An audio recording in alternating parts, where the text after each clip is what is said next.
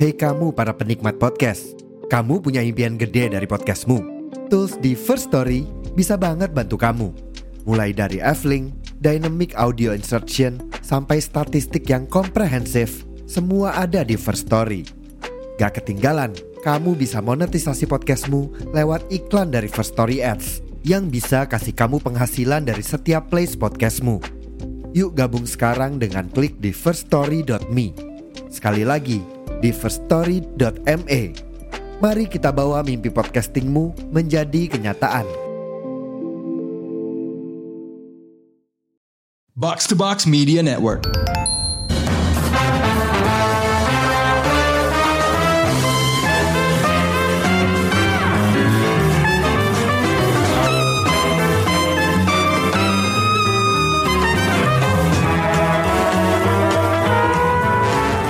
Pendengar Showbox, Angle Review kali ini khusus dibikin buat ngobrolin salah satu pengharum nama bangsa Indonesia di Hollywood sana. Kita mengangkat judul Expendables 4 supaya bisa ngobrolin Iko Uwais di filmnya. Serius, bahasan utama kita kali ini bakal lebih banyak ke Iko daripada ke filmnya. Karena sejujurnya film ini rada boring buat gue. Bahkan gue sempet tidur di bioskop kemarin pas nonton. Uh, mungkin lo juga bingung ya kenapa gue bakal lebih banyak fokus ke Iko.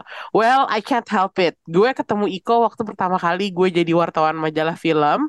The Raid adalah liputan langsung pertama gue di mana gue harus datang ke Merantau Films buat wawancara Iko Uwais dan Kang Yayan yang waktu itu masih belum ada apa-apanya gue bareng sama istrinya Rengga, Bunga, waktu itu langsung dikasih demo silat sama dua orang ini. Nah, sekarang kan mereka udah jadi bintang internasional. Padahal waktu gue pertama kali ketemu sama Iko, gue pikir Iko tuh dandanannya tuh biasa aja, belum keren, gak kelihatan sama sekali seperti bintang film. Dia pakai baju latihan dan bahkan gue sempet ngira dia OB parah banget gak sih? Gue nggak tahu bahwa ternyata dia jago banget dan sekarang bintangnya naik terus. Um, jadilah gue nganggap sosok Iko, Kang Yayan, Kang Cecep, Jot Taslim itu sebagai orang-orang yang berjasa banyak dalam membawa nama Indonesia di dunia internasional. Kayak sekarang tuh jadi banyak banget mention Indonesia di film-film dan serial-serial Hollywood. Kayaknya sih emang gara-gara The Raid ya, trennya Indonesia di Hollywood tuh mulai. Tapi kalau soal Expendables-nya, well, oke okay deh, gue apresiasi effort sutradara Scott Walk dan uh, trio penulis naskahnya untuk masukin seorang bintang Indonesia dan ngasih dia nama yang cukup make sense, Rahmat Suwarto. Dan di beberapa bagian akhir lo bisa dengar orang random ngomong pakai bahasa Indonesia di setting kapal. Uh, tapi setidaknya ya karena musuhnya orang Indonesia jadi anak-anak buahnya juga ngomongnya bahasa Indonesia gitu. Tapi kalau dilihat filmnya sendiri uh, agak parah sih. gue mungkin kurang cocok ya sama franchise maco ini. Nggak kayak Fast and Furious, gue nggak pernah nemuin letak di mana kerennya Expendables. Maksudnya oke, okay, dia ngumpulin bintang-bintang action ngetop, terus disuruh berantem-berantem, tapi secara cerita dan kontinuitas, gue emang nggak pernah nggak pernah terlalu apa ya termakan sama pesonanya gitu. Jadi sekarang nih gue pengen ngobrol sama Rengga dan Krisna yang sepertinya setuju sama gue ya bahwa nih kita ngobrolin Expendables 4 kita ngobrolin Iko-nya aja gak sih guys kayak iya. Uh, Kalau mau isinya lebih positif ya. kita mencoba banget buat nggak terlalu negatif gitu ya di review ini. Tapi oke okay deh, kita ngomongin filmnya dulu ya secara garis besar. Hmm. Ini kok tiba-tiba udah 9 tahun hiatus. Terakhir tuh Expendables 3 tahun 2014. Sekarang di 2023 ada film keempat kenapa dibikin lagi ya? Padahal udah gitu castnya tuh kayak udah nggak heboh gitu. Arnoldnya nggak ada, Jetty nggak ada, Terry Crews nggak ada. Terus formasinya sekarang tuh kayak cuman setengahnya dan kayak mereka tuh udah udah lelah juga gitu. Yeah. Nih menurut lo masih menarik gak sih filmnya atau enggak? Ya jujur aja sih. Sebenarnya sih udah enggak sih. udah enggak ya? Sebenarnya udah enggak. Terus ya itu karena dulu kan kayaknya Expendables tuh dibikin karena kayak lagi trennya kan ensemble cast kayak gitu kan ngumpulin ini ya idenya seru juga gitu bintang-bintang action lawas gitu kan walaupun memang eksekusinya nggak sebagus itu juga menurut gue agak nanggung gitu kan sebenarnya hmm. Expendables tuh mau brainless action kurang seru tapi mau serius ya nggak dapet juga gitu kan Terus Oh. ya di sini makin parah menurut gue karena si cast-cast baru ini juga kayak nggak ada chemistry-nya gitu loh. Biasanya kan kayak gini seru karena chemistry-nya gitu kan ada banternya seru atau gimana gitu. Mm-mm. Ini enggak lagi. Jadi emang bener-bener Iko Uwais sih yang bikin gue nonton film ini, yang bi- masih bikin tertarik. Oh, oke. Ini Hmm. dulu tuh mereka dikumpulin tuh ala-ala Avengers gitu gak sih ceritanya? Atau Iya, cuma gue doang yang lagi Iya berpikir betul, kayak trennya gitu? kan. betul. Heeh. Oh, oke. Berarti mereka ceritanya mau sup- superhero team up tapi intinya bintang action lawas gitu ya. Kayak konsepnya aja sebenarnya buat gue dari dulu tuh agak aneh gitu. Dulu lo Hmm. pas nonton Expendables ada daya tariknya nggak? Gue inget banget si Krishna pernah ngomongin Chuck Norris. Dolph. Lundgren gue sebenarnya dulu. Oh, Dolph Lundgren. Iya. Oke. Oke. Kalau lo yang pernah nonton Expendables dan pernah merasa excited kah pas nonton trilogi yang awal itu? Gue dulu tuh lumayan excited nonton Expendables sebenarnya kan. Kayak aktor-aktor apa ya laga zaman dulu nongol lagi nih dikumpulin gitu kan itu Ah, itu ah. idenya cukup seru tuh soalnya gue inget banget ketika Expendable muncul itu ada satu film lagi kalau kalian ingat judulnya Red itu yang main Bruce Willis Morgan Freeman Betul. Iya, gue kan ingat. Helen Mirren gitu-gitu Ya, kan ya. kayak wah ini konsepnya mirip nih gitu kan terus Heeh. kalau yang satu lebih ke spionase kalau yang ini lebih yang ke tembak-tembakan aja gitu kan Hmm. Ah, ah. dan gue jujur cukup cukup apa ya cukup menikmati yang satu sama dua tuh kalau nggak salah deh Oh, ya, kedua yang sih. itu Yang kedua aja ya. sih. Eh, yang ada Oh. Chuck Norris Lebih tuh apa deh udah ngasal kan kedua kan udah lebih brainless tapi lebih seru gue. betul justru lebih brainless tuh lebih seru kayak lu gak usah Hmm. mikirin yang aneh-aneh dia udah tembak-tembakan aja gitu kan nggak usah dipikirin ceritanya gitu yang penting seru gitu Oh. Nah, masalahnya sekarang ini eh, nggak seru juga gitu nggak brainless Tanggung gitu. ya. Iya nanggung gitu kayak lu mau mikirin apanya sih mau mikirin serunya mau mikirin eh, ceritanya Cerita. gitu jadi kayak aneh aja jadinya gitu Udah gitu, eh, ini film tiba-tiba mengcasting Iko Uwais. Eh, tadinya gue pikir peran dia bakal gede banget. Tapi oke, sebelum ngomongin peran dia ya, eh, kita ngomongin Iko secara pribadi, secara akting dia. Menurut lo gimana penampilan dia sejak waktu lo nonton dia di film sebelumnya gitu? Eh, apakah aktingnya improve, bahasa Inggrisnya improve, action dia cukup atau kurang? Gimana menurut lo? bahasa Inggrisnya improve sih Makin jelas ya. itu highlight highlight terbesar buat gue Iya. Udah makin jelas sih. ya. Iya, Iya, makin jelas, makin jelas. aduh, dulu nonton film film apa ya dia pakai bahasa Inggris tuh. Film bahasa Inggrisnya mumbling kan. Iya. Gitu. Hah? Gitu. Ngomong apa sih Iko gitu. Bener-bener. Mm-mm. Sekarang udah lebih jelas sih sekarang pronounce-nya. Itu di Mile 20 itu bukan? Yang sama Mark gua Wahlberg. lupa lagi. Kayaknya iya deh. Ingat gue sih Mel 20 itu masih mumbling tuh. Itu masih mumbling tapi Ah, kayak itu Iya, udah karena dia kan di situ lumayan banyak kan dialognya kan. Ah, itu Banget. kedua kayaknya dia dia yang masuk Iya. internasional tuh. Tapi ya lucunya gue pernah inget ngobrol sama eh, Gareth Evans, sutradaranya The Raid. Waktu itu dia belum mau tanda kutip menjual Iko ke luar negeri karena waktu itu dia merasa Iko bahasa Inggrisnya belum cukup gitu. Belum siap. Belum siap berarti. gitu. Tadinya gue merasa kayak aduh lo kok ngeremehin banget ya Om gitu.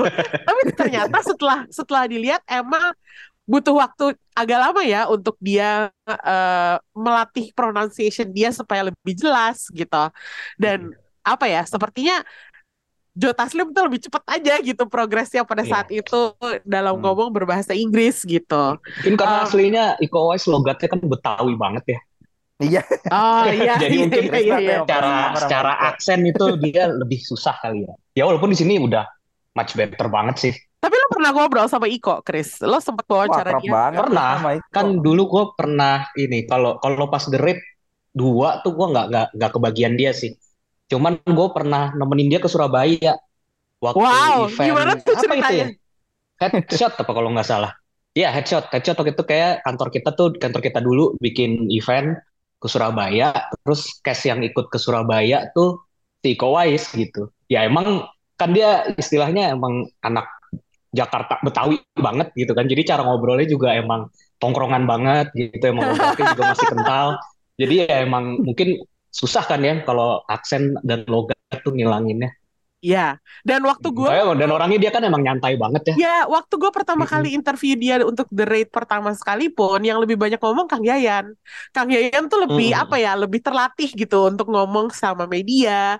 Terus bahasanya, tutur katanya lebih halus, lebih apa ya, lebih Iya. lebih tinggi dikit lah intinya gitu gitu. Jadi gue apa ya, ya gue paham sih kenapa eh Iko butuh waktu lama untuk improve dalam bahasa Inggris gitu. Tapi di sini buat lo oke ya, Reng, bahasa Inggrisnya dia. Lumayan oke sih. Dan dibandingkan pertama kali gue nonton dia sekarang udah improve banget menurut gue. Oh, oke. Lo pertama kali nonton dia pakai bahasa Inggris di film apa by the way? Aduh gue 22. lupa deh. Kayak sebelum Star Wars. 20 apa? Star Wars. Star Wars. Dia gak ada dialog situ. Lewat doang. Mel 20 itu sih ya. Iya kayak Mile Mel 20 20 deh itu sama dia. Stober tuh duluan mana? Gue lupa ya. Mile 20 itu duluan. Iya, Mile Stuber, 20 20 itu kayaknya. lebih Iya, agak iya. belakangan. heeh, Iya. gitu. Oh Nih, sama tapi- yang itu. eh, Apa tuh? sorry. Apa tuh? sih? Eh, G.I. Joe ya? Oh, G.I. Joe mah belakangan. Gue bahkan belum nonton film Oh, oh. itu. Iya G.I. Joe yang dia jadi salah satu gurunya si itu.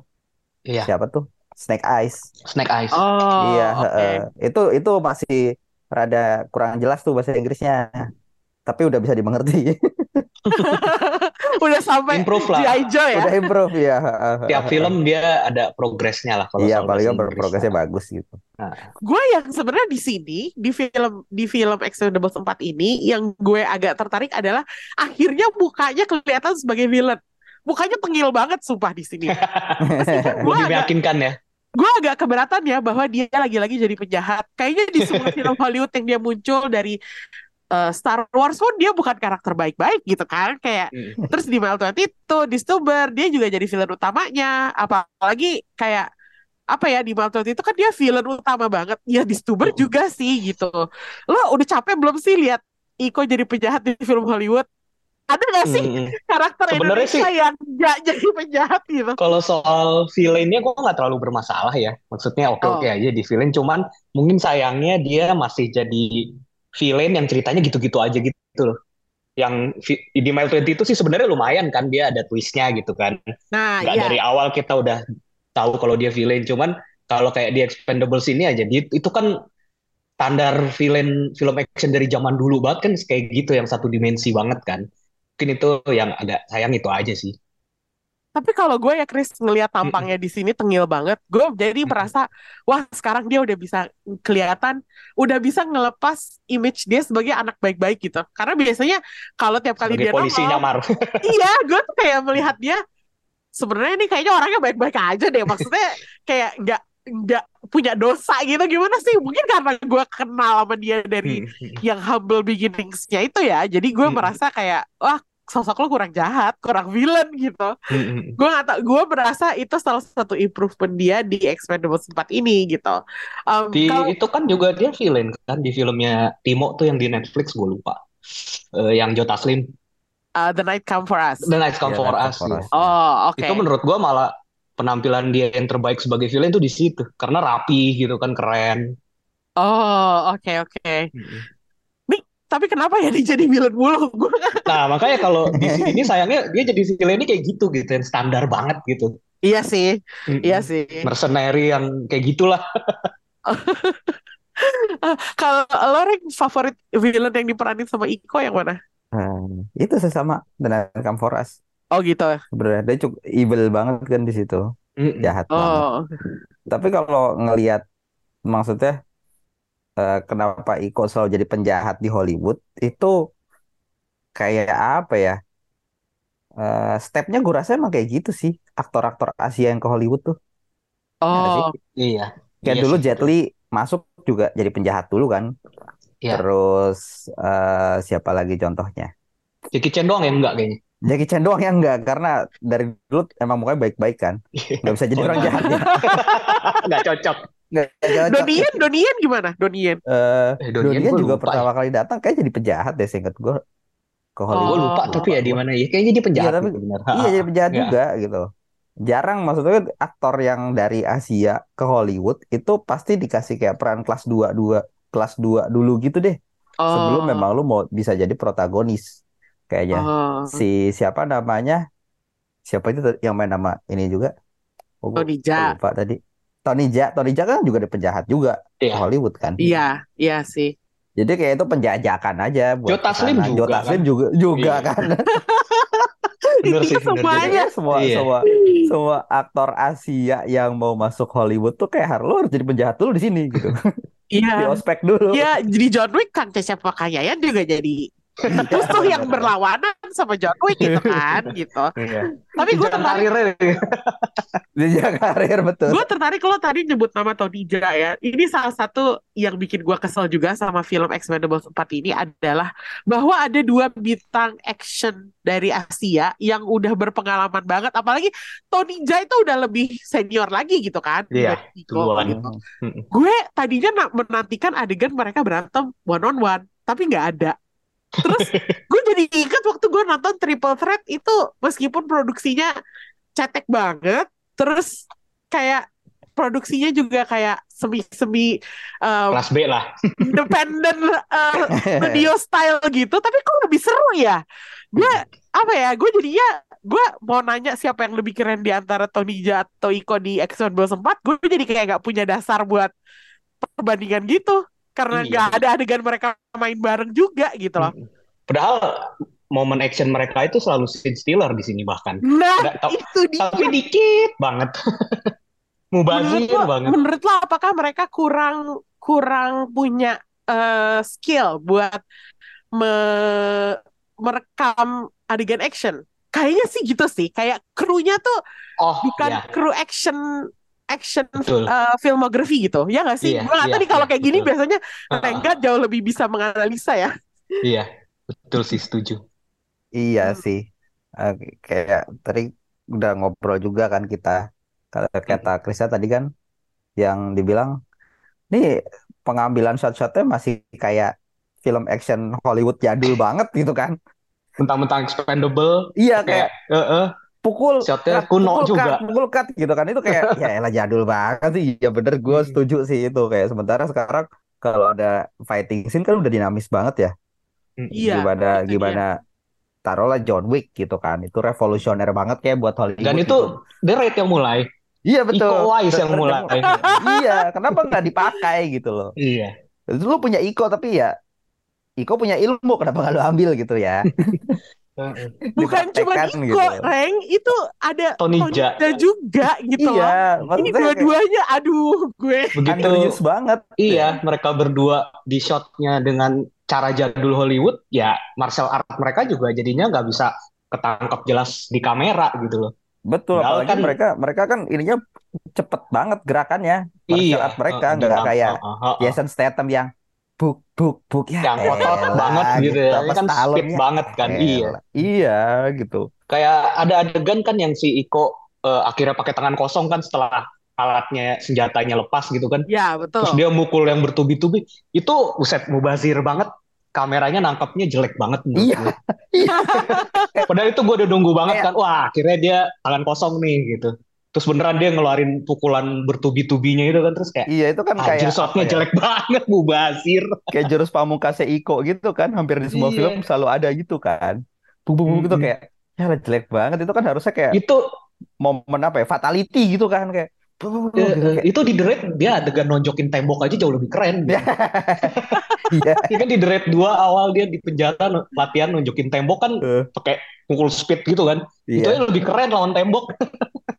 Wah, ini tuh damage-nya nggak ada sama sekali gitu loh pukulannya gue ya. merasa bahwa sebenarnya krunya apakah ada kesengajaan dalam arti karena ini judulnya Expendables, mereka pengen gaya old school, tapi mereka bintang-bintangnya terlalu baru gitu, terlalu modern gaya fightingnya. Jadi sementara si para pembuatnya kekeh pengen tetap pakai gaya old school gitu. Iya nggak sih ada kesan kayak gitu nggak Jadi sih? sih gue ada kecurigaan ke situ akhirnya karena ya iya Expendables gitu kan yang dijual eh, sebenarnya kan dulu action bintang action lawas tahun 80-an dikumpulin gitu walaupun di sini cuma si Stallone doang kan.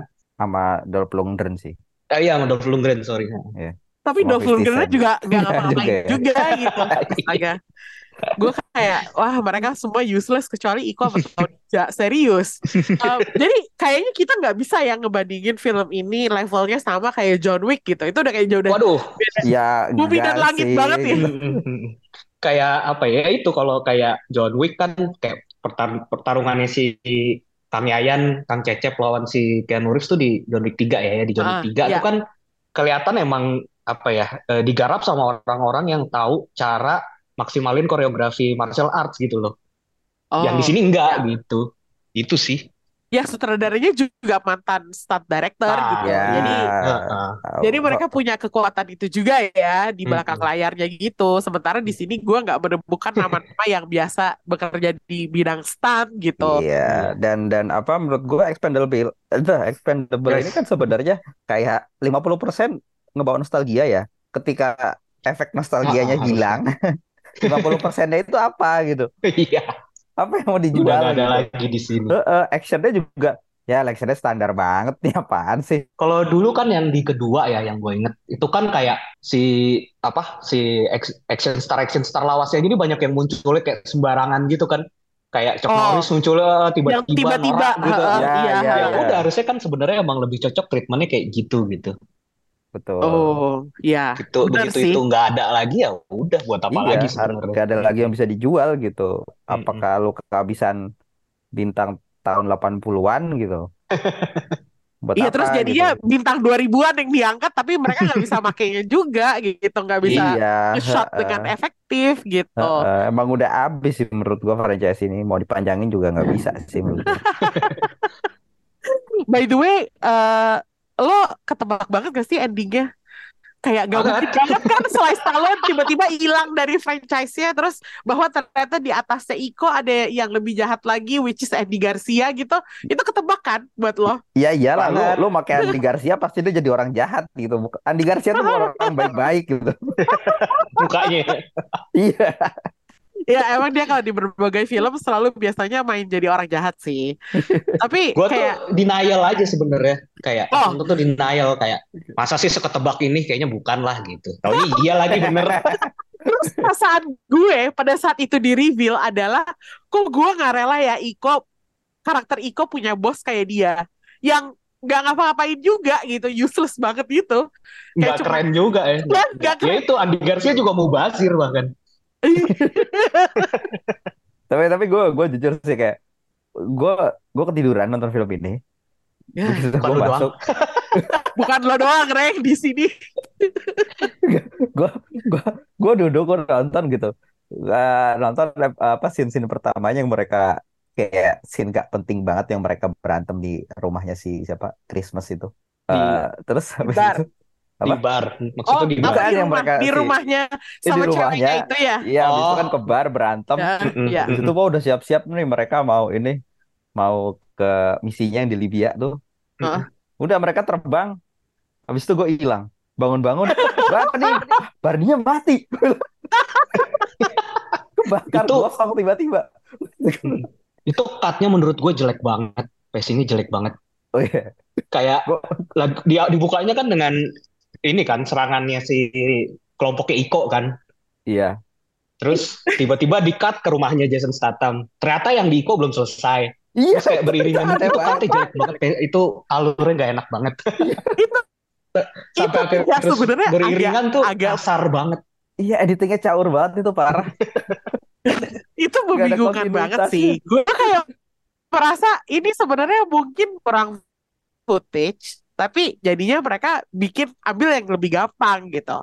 Kan nge-shoot Jason Statham di indoor sama Iko Uwais di setting bangunan dan lokasi gitu kan lebih susah ya gitu. Jadi lebih gampang Mm-mm. Jason Statham gitu. Jadi buat ngisi kekosongan adegan mereka pakai gambar-gambarnya Jason Statham gitu. Gue sih ada kecurigaan kayak ya gitu. bisa jadi Ya Allah gue ini suzon banget ya Cuma Cuma Faktanya adalah bahwa Emang aneh editingnya gitu.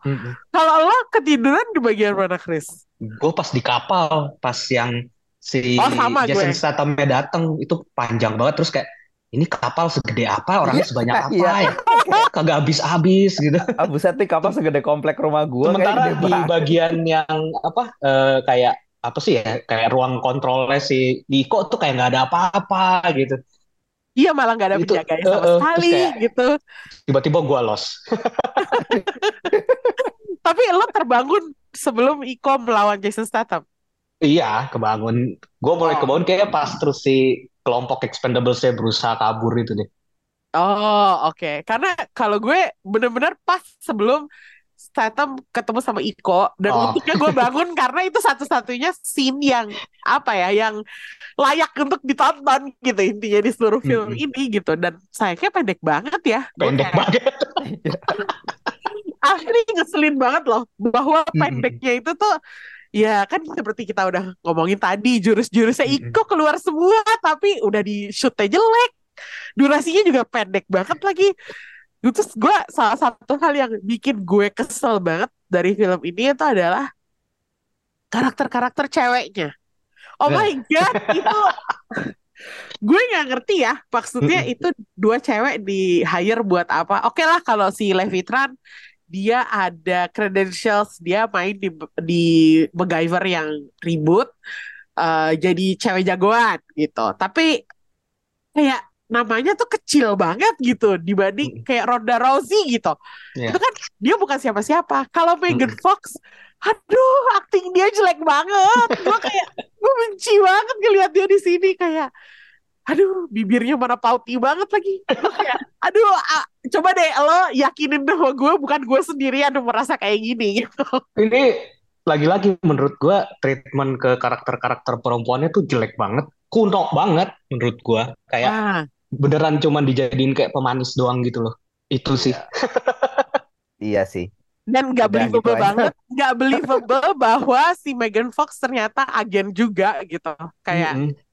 hah lo posisinya sama kayak Christmas yang bener aja gue kayak kok gue gak percaya ya you didn't sell it honey you didn't do it at all gitu terus gue jadinya kayak gue tiap kali dia muncul gue kayak merem akhirnya malah tidur gitu jadi udah nih ya guys jadi no more hope for Expendables kayak mereka nggak bisa melakukan apa pun lagi untuk me, apa ya menghidupkan kembali franchise ini kayak waktu itu kan sempat ada wacana tuh kayaknya mau ngumpulin Mm-mm. yang bintang lawas action tapi eh, perempuan semua yang dikasih kode eh, Expendables kalau nggak salah. Mm-mm. itu udah nggak usah ya kayak Eh, kalau ya kayaknya sih udah dengan berat hati kayaknya emang udah selesai sih franchise ini kecuali Iya. menurut gua mungkin kalau mereka mau bikin perubahan ekstrim gitu ya kayak misalnya dulu Fast Furious 5 gitu kan itu kan lumayan ekstrim perubahannya tapi kalau Ya. gini-gini aja sih ya udahlah kesian gue malah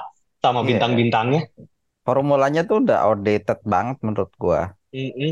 oh jadi nostalgianya udah nggak udah nggak indah lagi gitu ya Betul, mungkin bisa diulang lagi sekitar 10-20 tahun lagi kali ya. wah kayaknya itu masih yang kayak masih Dengan- dengan- juga deh dengan generasi aktor action yang lebih baru lagi gitu misalnya Iya, betul. Misalkan nanti eh, eh, 10 tahun lagi, misalkan siapa ya? Keanu Reeves Vin Diesel gitu kali. ya Vin Diesel Keanu Reeves gitu Iya, The Rock gitu. pas mereka udah bisa lebih gitu nanti. uzur gitu ya Iya. Guys, apa bedanya sama Fast Furious ya kalau kayak gitu? Udah ada franchise satunya yang masih jalan juga gitu. Ya emang udah susah sih. Flop juga kan ya kalau nggak salah ini box office-nya. Oh gitu ya, Chris. Di iya Iya. di di US flop. Tapi kan film eh, sebenarnya Expendable itu kalau dilihat dari sejarahnya lebih banyak menjual di luar Amerika Tapi internasionalnya juga flop daripada di. Amerika itu sendiri. Ya kalau sekarang Hmm. iya, tapi kalau yang dulu-dulu itu internasionalnya bagus mereka. Kalau yang ini kayaknya emang di US flop, di luar US juga kayak flop sih. Jadi emang flop aja gitu. Mm-mm. Oh. Udah udah almarhum aja kayaknya sih udah. Berarti udah nggak menarik lagi ya buat konsumen film gitu intinya. Ya, berarti Iya. sia-sia dong Iko eh, muncul di sini. Sayang gak sih? Sayang banget sih kalau Sayang menurut banget gue. sih. Iya sayang Ya. sebenarnya. Tapi paling nggak menambah portfolio dia lah. Iya, ada di franchise ini gitu kan. Betul. ha. Kita ambil positifnya aja sih. Ya lumayan inilah. Lu bayangin kalau di film ini nggak ada Iko sama Tony Jaa kan lebih hancur Wah. lagi kan. Parah sih ngapain Mereka gue masih- buang lima puluh ribu buat nonton weekend kalau nggak ada kalau nggak ada ikonya nggak ada Iya. Tony Mijanya gue nggak mau nonton Mm-mm. sih beneran gue gue asli gue bener-bener ke bioskop cuman buat support Iko Uwais doang cuman gara-gara kenangan manis gue selama waktu jadi wartawan ngewawancarain dia gitu Hmm. udah gitu doang gitu kayak gak ada alasan lain gue nggak pengen nonton Slice Alone gue nggak pengen nonton Statham gitu meskipun ya kita sempet eh, suka sama dia ya di The Break ya Chris? Iya. ada Jonas gitu. Ya udah Nah, ini kan kalau itu emang works kan. ya kalau itu bagus, works ya. gitu. Jadi ya ya udahlah ya bye bye expendables ya sih ya you Hmm. are you are expensive tapi ya udah emang udah harus di expendable aja gitu. Guys kasih rating berapa nih guys? Aduh, dua langsung pada diam nih Aduh. Dua karena itu juga karena masih ada inilah masih diselamatkan Iko Uwais dan Tony Jaa yang walaupun actionnya sedikit tapi masih scene stealer lah paling enggak. Gak ada mereka berarti kosong setengah gitu ya kosong, Ya kosong poin di bawah lah lima. yang pasti. Oh my god. Iya sih gue juga dua bintang dan itu gue kasih dua bintangnya satu buat Iko, satu buat Tonija gitu. Kalau lo Iya. rank berapa rank? Ya, ya, kita samain aja lah ya dua. Satu buat Iko dan Tonija, satu lagi gue bisa numpang tidur di bioskop. Dingin numpuk Kayak ya. dingin gitu. Kalau yang kursinya empuk, dingin gue bisa tidur nyenyak gitu. Ini kita hanya mencoba positif aja. Soalnya kalau gak kita udah gedor-gedor pintunya 21 terus minta balik duit ya gak sih? Jarang nih ya review kita se negatif ini.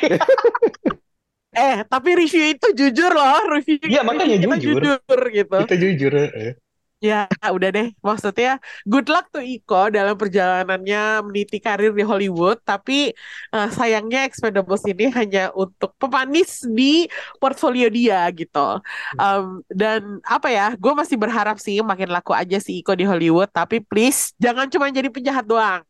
Jadilah apa ya, pendekar silat yang menaklukkan Amerika macam Bruce Lee gitu. Bruce Lee dari Indonesia gitu. Bisa nggak ya? Gue nggak tahu sih bisa apa enggak tapi pelan-pelan aja suatu hari nanti pasti kejadian. Oke itu dia review kita untuk Expendables 4 dan penampilan Iko Uwais di dalamnya. Sampai ketemu di episode berikutnya. Bye bye